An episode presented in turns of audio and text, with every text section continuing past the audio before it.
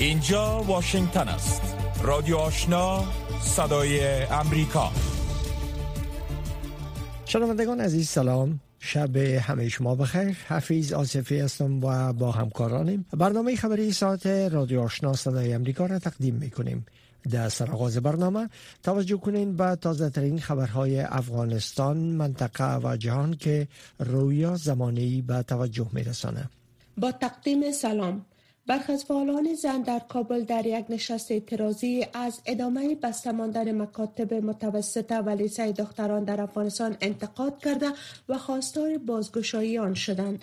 این زنان فعال روز یکشنبه سوم ماه جولای از طالبان خواستند که حق تعلیم دختران را کتمان نکنند و زنان افغان را بهانه برای امتیازات سیاسی خود نسازند.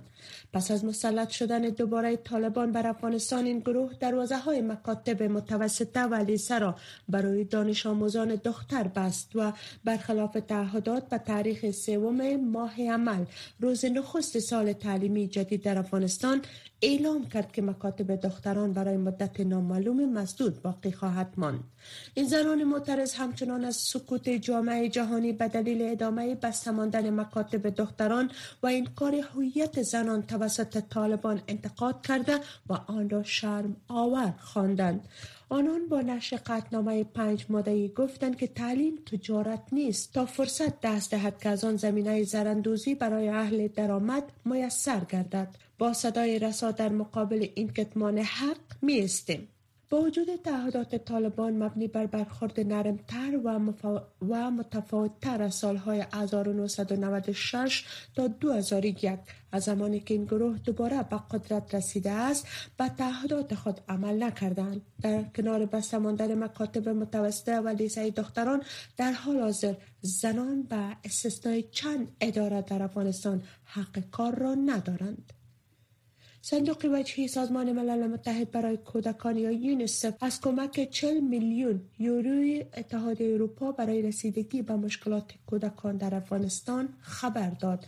جزیات بیشتر را از نسرین محمود عزیزی مشنوید یونیسف روز یک شنبه سوم ماه جولای در خبرنامه گفت 25 میلیون این کمک برای تهیه واکسن فلج کودکان و تطبیق واکسن پولیو و 15 میلیون یوروی آن در بخش حمایت از کودکان در آن کشور به مصرف خواهد رسید.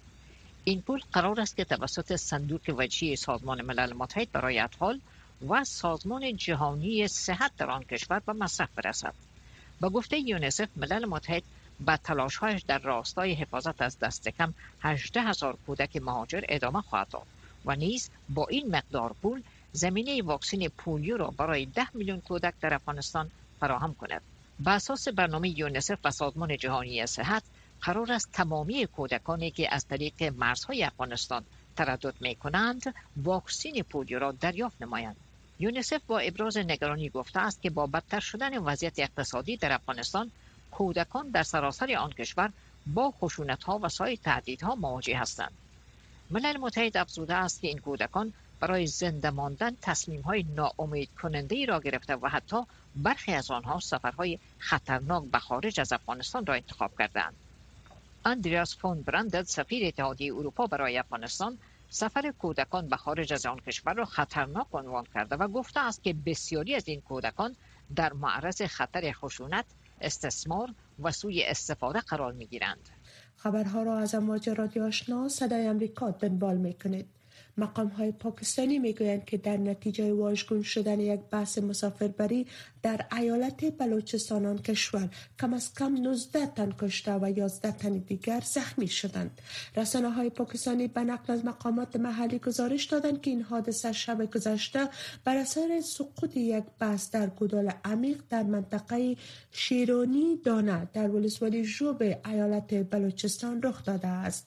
این بحث مسافربری با سی سرنشین از اسلام آباد به سوی کویتا در حرکت بود.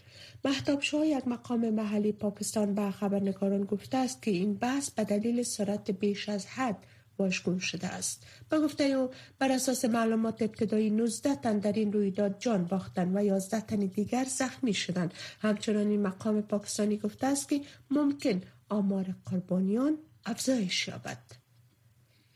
وزیر دفاع روسیه گفت که نیروهای روسی روز یکشنبه کنترل آخرین شهر بزرگ اوکراین در ولایت لوهانس را به دست گرفتند و مسکو را به هدف اعلام شدهش برای تصرف تمام منطقه دنبس اوکراین نزدیکتر ساخته است. خبرگزاری های روسیه گزارش دادند که سرگی شویوک وزیر دفاع برای جمهور ولادیمیر پوتین گفته است که سربازان روسیه همراه با اعضای گروه از ملیشه های جدایی طلب محلی کنترل کامل شهر لیسیچانسک را در دست دارند. جنگجویان اوکراینی هفته ها جنگیدند تا سقوط این شهر به دست روسیه جلوگیری کنند. همانطوری که هفته گذشته در شهر سیروس دونسک انجام دادند. یک مشاور ریاست جمهوری گفته است که ممکن چند روز را در بر گیرد تا سرنوشت این شهر نیز مشخص شود.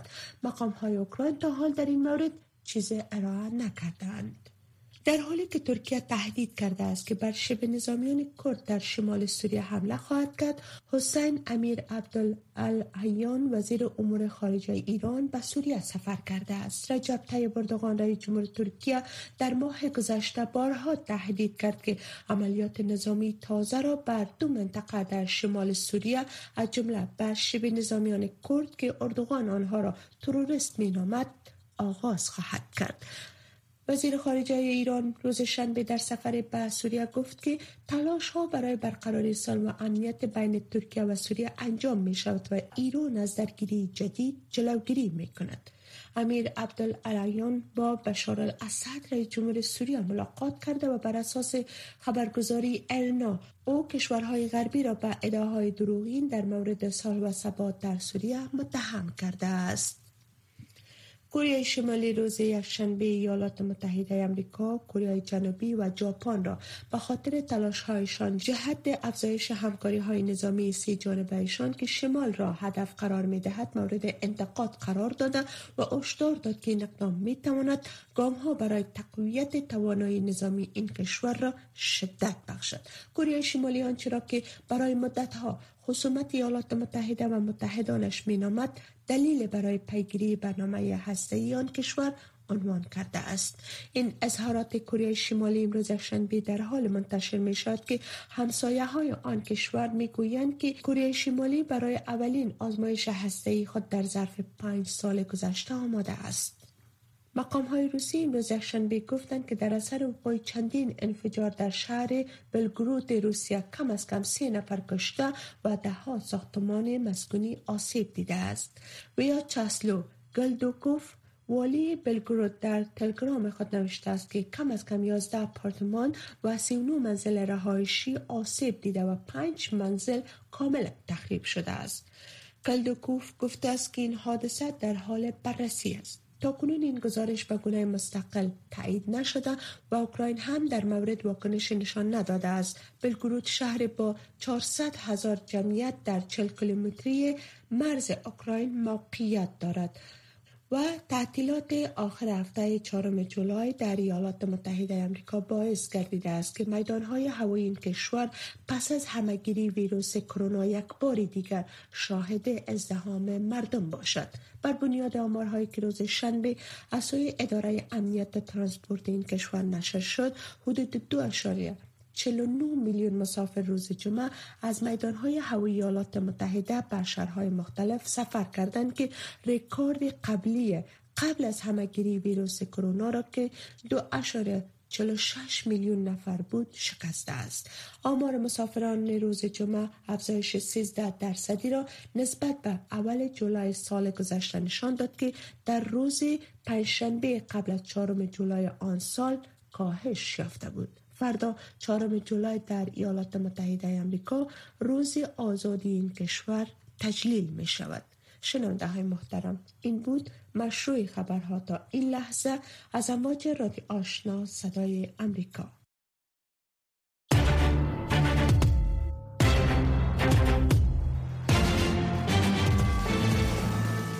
روکو راست. صحبت های داغ صاحب نظران و نظریات شنوندگان در مورد خبرها و مسائل روز هر شام از ساعت 8 تا 9 شب در برنامه مشترک دری و پشتوی رادیو آشنا صدای امریکا.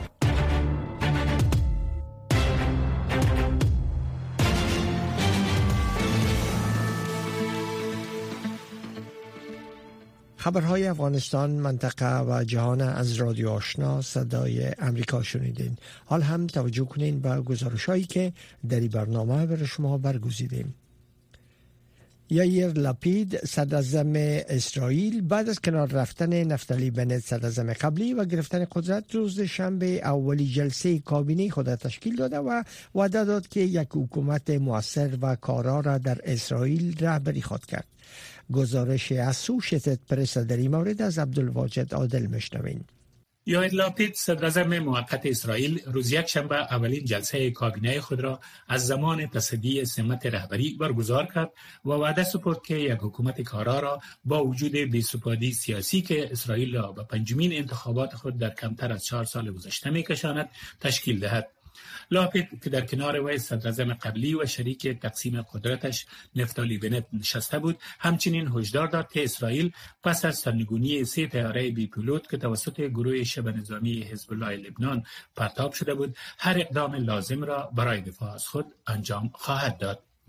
لاپید هفته گذشته به عنوان بخشی از توافقنامه که سال گذشته منعقد شد و حکومت ائتلافی را ایجاد کرد به سمت صدر جدید به قدرت رسید.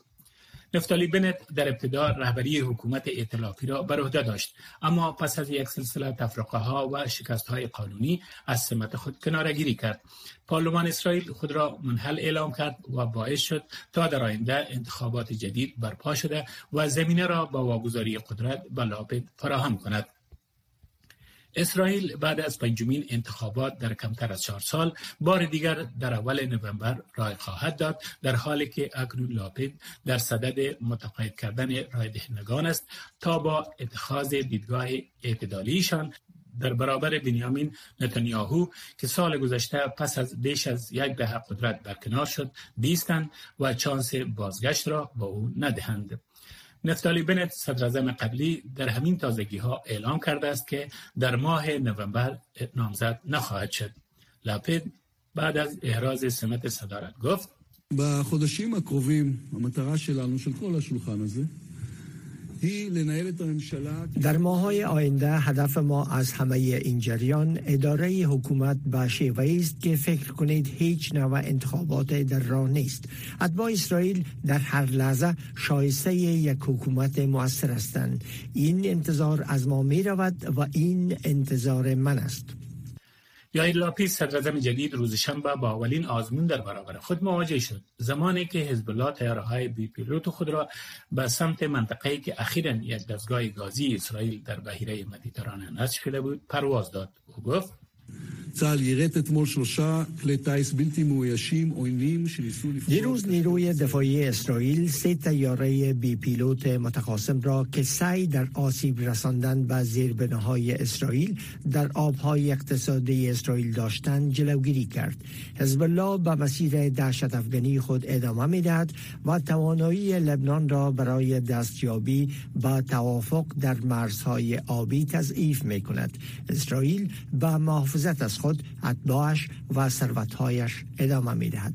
به نظر می رسد این اقدام تلاشی از سوی حزب الله برای تاثیرگذاری بر مذاکرات با میانجیگری ایالات متحده بین اسرائیل و لبنان بر سر سرحدات آبی آنها باشد منطقه‌ای که سرشار از گاز طبیعی است لاپید که در زمان قدرت نفتالی بنت وزیر خارجه بود در ماهای آینده من حیث یک رهبر موقت برای اثبات این موضوع خواهد کوشید که او یک صدر مطلوب خواهد بود او این هفته برای اشتراک در جلسات به پاریس سفر می کند و سپس هفته آینده میزبان جو بایدن رئیس جمهور ایالات متحده است که به این ترتیب به تقویت موقف او قبل از تدویر انتخابات کمک خواهد کرد. شنوندگان گرامی رادیو آشنا صدای امریکا نشرات رادیو آشنا را در موج متوسط 1296 موج کوتاه 11575 اشاری سفر و در موج 972 کیلوهرتز شنیده می توانید. وزارت خارجه ایالات متحده با نشر اعلامی روز جمعه اول ماه جولای ضمن ابراز نگرانی از حضور سازمان های تروریستی مانند القاعده و شاخه خراسان داشت افغانستان از مداخله روزافزون طالبان در قسمت فراهم کمک های بشری بر مردم زلزله زده در کشور براز نگرانی کرد. در رابطه با نگرانی های ایالات متحده از حضور سازمان های تروریستی در خاک افغانستان نسلین محمود عزیزی مصاحبه با قای نعیم پویش دیپلمات پیشین افغانستان انجام داده که با هم به مصاحبه گوش میدیم آقای پویش از نظر شما آیا امریکا فکر می‌کرد که طالبا ای بار تغییر کرده باشند؟ حلقات داخل اداره آقای ترامپ دو زمان و بعدا آقای بایدن تصورشانی بود که طالبا یا تغییر کردن یا که آماده تغییر هستند اما تمام دولت امریکا به مفهوم کلی هیچ وقت به این فکر نبود که طالبا واقعا تغییر کردن. و در واقع هدف امریکا هم این نبود که یک طالبان تغییر کرده به امرایشان معامله کنه بلکه هدف امریکایی بود که منافع ملی امریکا را خصوصا در قسمت مسئله توریسم و مسئله امنیت ملی تأمین و تضمین بکنه که تقریبا این کار سرش تلاشات جدی کردن طور معلوم میشه که طالبان تا حال هیچ ماده توافقنامه دوحه عملی نکردن آیا امریکا صرف می‌خواست که از افغانستان خارج شود؟ امریکا اگر از افغانستان صرف خارج می‌شد بسیار از مشکلات فعلا افغانستان و خود امریکا با او مواجه هستن ما با او مواجه نمی شدیم بلکه امریکا فراتر از او رفت و با طالبا یک موافقت نامه موافقت نامه دوهر امضا کرد و تعهدات متقابل از نسبت در وجود آورده چارچوبی موافقت نامه و در این حال فشار آورد به حکومت افغانستان که طالبان که زندانی بودند زندان های افغانستان اینا رها بکنه. همکاری های امنیتی خود با افغانستان بلا فاصله بسیار محدود ساخت. پس بنابراین آنچه که امریکا انجام داد صرف خروج از افغانستان نبود بلکه به نوع یک معامله و یک تعامل با طالبان برای وجود آمدن یک افغانستان بعد از جمهوریت بود که همه چیز رو در واقع تحت شعای خودش قرار داد. اما مسئله اساسی است که امریکایی ها حکومت امریکا باورشان است که حداقل یک قسمت از موافقت نامه دوحه که مسئله عدم استفاده از خاک افغانستان برای حمله به منافع امریکا و به خاک امریکا هست طالبات تا مراعات کردن. و قسمت اعظم گفتگوهای دو جانبه هم که بین امریکایی ها و بین خصوصا در سطح دولت هدف ماست بین نماینده خاص آقای تاموس و بین طالبان صورت می‌گیره بر جزئیات عملی انجام همی تعهد طالبا هست. فبا منهای از این ما می‌فهمیم که امریکا تقریبا تمام تعهدات خود عملی کرده و طالبان قسمت زیاد از تعهدات خود عملی نکردن. اما حداقل باور ظاهری مقامات امریکایی است که طالبان در قسمت امنیت ملی امریکا و در قسمت عدم اجازه به گروه های تروریستی مثل القاعده که از خاک افغانستان علیه امریکا استفاده کنند همکاری کردن تا بال در این حال آقای پوش رهبر طالبان میگه که ما مستقل هستیم و دستور دستورای کسی را نمیپذیریم. اگر طالبان به می شکل پیش برن آیا فکر می‌کنین که ایالات متحده مجبور به مداخله نظامی در افغانستان شوند؟ طالبا در طی 26 سال گذشته ثابت کردن که بین آنچه که میگن و آنچه که عمل می‌کنن یک تفاوت بسیار بسیار جدی وجود داره. در که طالب یک گروه فاندامنتالیست و افراطی سرسخت است و مخالفت بسیار شدید و بنیادی با حقوق زنان و برابری زن و مرد به مفهوم کلی کلمه داره و با ارزش های دموکراتیک و ارزش های جامعه مدرن شدیدن مخالف است. اما در سیاست خارجی خود طالبا از خود انعطاف بسیار جدید موارد مختلف نشان دادند. طالبا با ایالات متحده آمریکا که در جنگ بودند در تعامل بسیار نزدیک و دوستانه قرار گرفتند. خواسته های امریکا رو در مسئله تروریسم در مسئله گروه های تروریستی ظاهرا قبول کردن که عملی بسازن. گذشته از که در عمل چنین چیز ممکن نیست به دلیل از که وقتی که جامعه شدیدن افراطی میشه حتی کنترل گروه های تروریستی از دست طالبان هم خارج خواهد شد. و در این حال طالبان شما می‌بینید که با کشورهای منطقه هم بسیار سعی می‌کنن که روابط حسنه از خود نشان بدن و تا جایی که منافع ملی کشورهای دیگه هست تا جایی که منافع ملی امریکا هست به این قسمت طالبا حاضر هستند که از خود نشان بدن. اما وقتی مسئله رفتار و رویهشان با مردم افغانستان با زنان کودکان و دخترای افغانستان مطرح میشه. در این قسمت انعطاف پذیری از خود نشان نمیدن به دلیلی که برداشت طالبایی است که کشورهای خارجی صرف منافع ملی خود تعقیب می‌کنن و ما در صورتی که به همراه از روابط خود بتانیم به نوع تنظیم بکنیم که منافع از اونا رو تضمین بکنیم در صورت اونا با وجود از که نسبت به مسائل داخلی افغانستان ابراز نگرانی می‌کنن نسبت به زنا دخترها ظلم کشتار غیر محکمه و کشتارهای سرایی که انجام میشه. اما در این حال او برشان یک ضبط تعیین کننده نخواهد بود و این آموزش رو در واقع پاکستانی ها به طالبان میدن. اما در این حال یک نکته متوجه باشیم که طالبان حتی به کشورهای مثل هند روسیه تاجیکستان و کشورهای مثل ایران در واقع سعی کردن پیامهای دوستانه روان بکنن و بارها با وجودی که این کشورها اگر نسبت به طالبان رفتارهای تر داشتن یا سیاست هاشان با طالبان موافق نبودی از جمهوریت حمایت می‌کردن.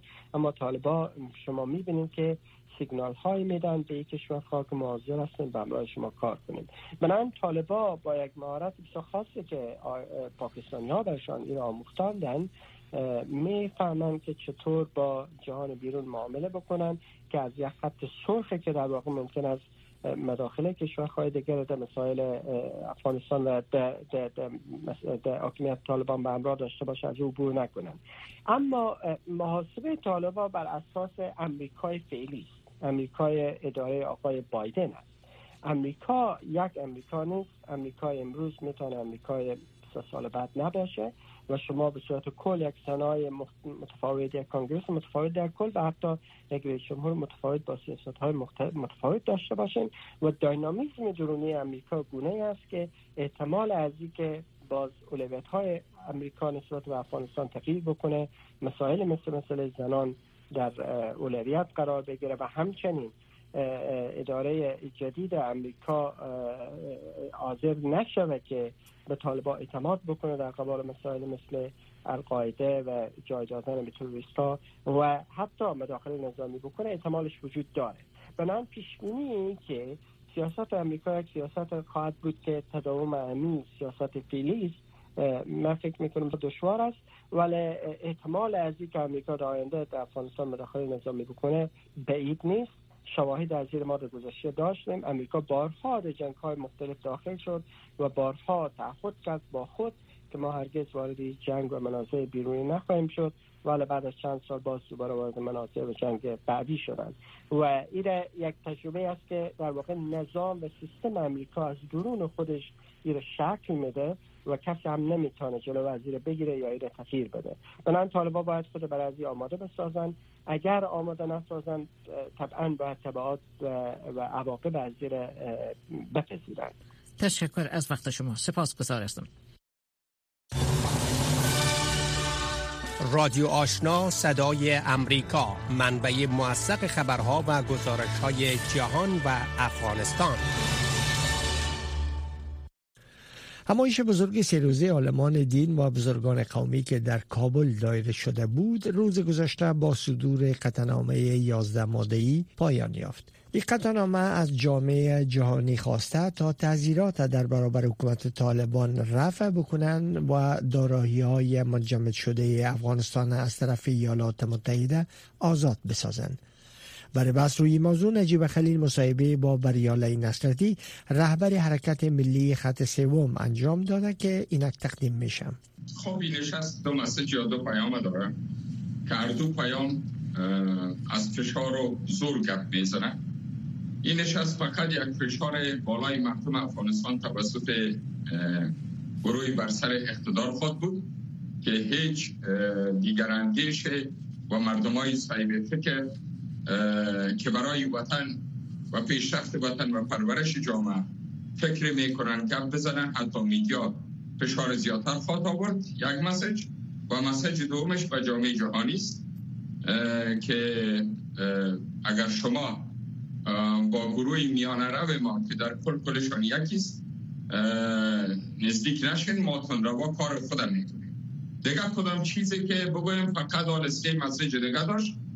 همین سه موضوع دیگه هم به نفع خودش آقای نصرتی سخنرانی ملاحبت الله در این مجلس به وضاحت نشان میده که دیدگاه و موقفش با بخش سیاسی حکومت طالبان در تضاد است. با توجه به این مخالفت آیا مجریان حکومت طالبان در کابل قادر به عملی کردن تعهداتشون به جامعه جهانی خواهد بودن یا نه؟ تشکر سر نه اینا هیچ وقت در تضاد نیستن. چل ساله رفیق هستن. هم فکر هستن هم اندیش هستن. اینا بینشان تقسیم کار کردن که یک تعداد گفته شما میانه را خود معرفی کنین و یک تعداد ما متندرو می باشیم تا افکار آمره و در سطح بین استخبارات بین را و بالاخره مراکز دیپلماتیک جهانی را افکارشان اقبال کنیم. و مجبور بشن وقتی که ما تون رواقت می‌زنیم برای امتیازگیری و اونا با شما نزدیک بشه و هر چیزی که دست شما میایه و دست ما میایه. و بالاخره حکومتداری ما پایدار می که مطمئن رهبری این ها از کشور همسایه ما بر از اینا داده میشه. و مطابق با او رو پیش میره. چرا کشور همسایه پاکستان؟ خودش می‌بینین بازی هایش که با چین هم از با روس هم از با کلگی و اینا را مدای دادن که به می شکل پیش بره و در درون در تضاد خب کلی و قطعی نبوده برای از اینکه آدم وقتی صحبت می‌کرد یه آدم نامعلوم او که اول خوی ملاحبت الله نیست. ادعای حرکت مینیفکسیون به این حقیقت رسیدیم بالاخره بلکه یک آدم نامعلوم است.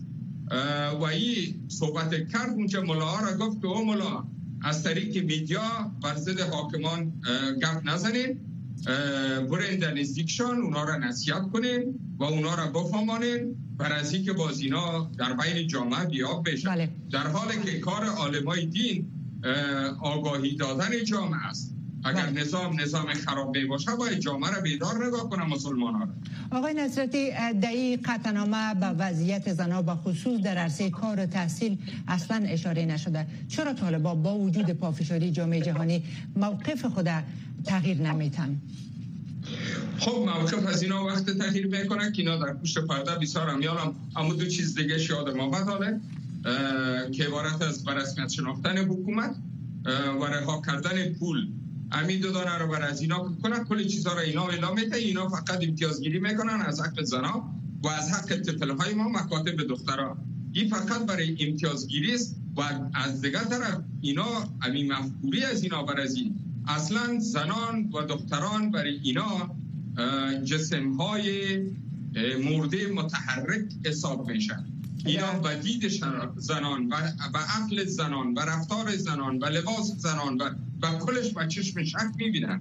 اینا برای زنا هیچ بله. وقت آقای نصر خب البته طالب امواره در قسمت مکاتب گفتن که اینا در صدد ایجاد یک مکانیزم هستن با وجودی که زمانگیر شده به وقت کوتاه آیا این شست می‌تونه در پلیسی جامعه جهانی در قبال طالبان تغییر وارد کنه؟ خب شما می‌فهمین امی آدمی که صحبت می‌کرد اینا خودش در دستگاه های استخبارات کشورهای مختلف اینا بند است. اینا مربوط به افغانستان نیستن. اناله یا اینکه دستگاه های استخباراتی را با مراکز دیپلماتیک و کشورها مطالعه کنید که دست وزارت خارجه ها بالاست یا مرکز های استخباراتی. مطمئنن که استخبارات دستش بالاست و نمیمانه که دیدگاه وزارت های خارجه کشورها تحلیل کنن اما من برای امریکا یک پیشنهاد دارم که شما دیگه افغانستان از آینه که پاکستان و انگلیس نبینین بلکه از آینه که مردم افغانستان ببینه که اینا دو فیصد رای ندارن و از آینه که ملل متحد ببینه که شما اساسگذار تمام کنوانسیون و خاصتا حقوق بشر هستین. باید دهی سخت بله. پابند باشین و بالاخره خطتان واضح بسازین در کنار مردم افغانستان هستین یا در کنار چند هزار نفر. تشکر. محترم بریالای نصرتی رهبر حرکت ملی خط سوم تشکر. از وقتتون که در اختیار برنامه گذاشتین. شنوندگان عزیز ای بود داشته های برنامه خبری که در همین جبه پایان رسید. اما نشرات پشتو و دری رادیو آشنا صدای امریکا همچنان ادامه داره. شنونده رادیو آشنا باشید.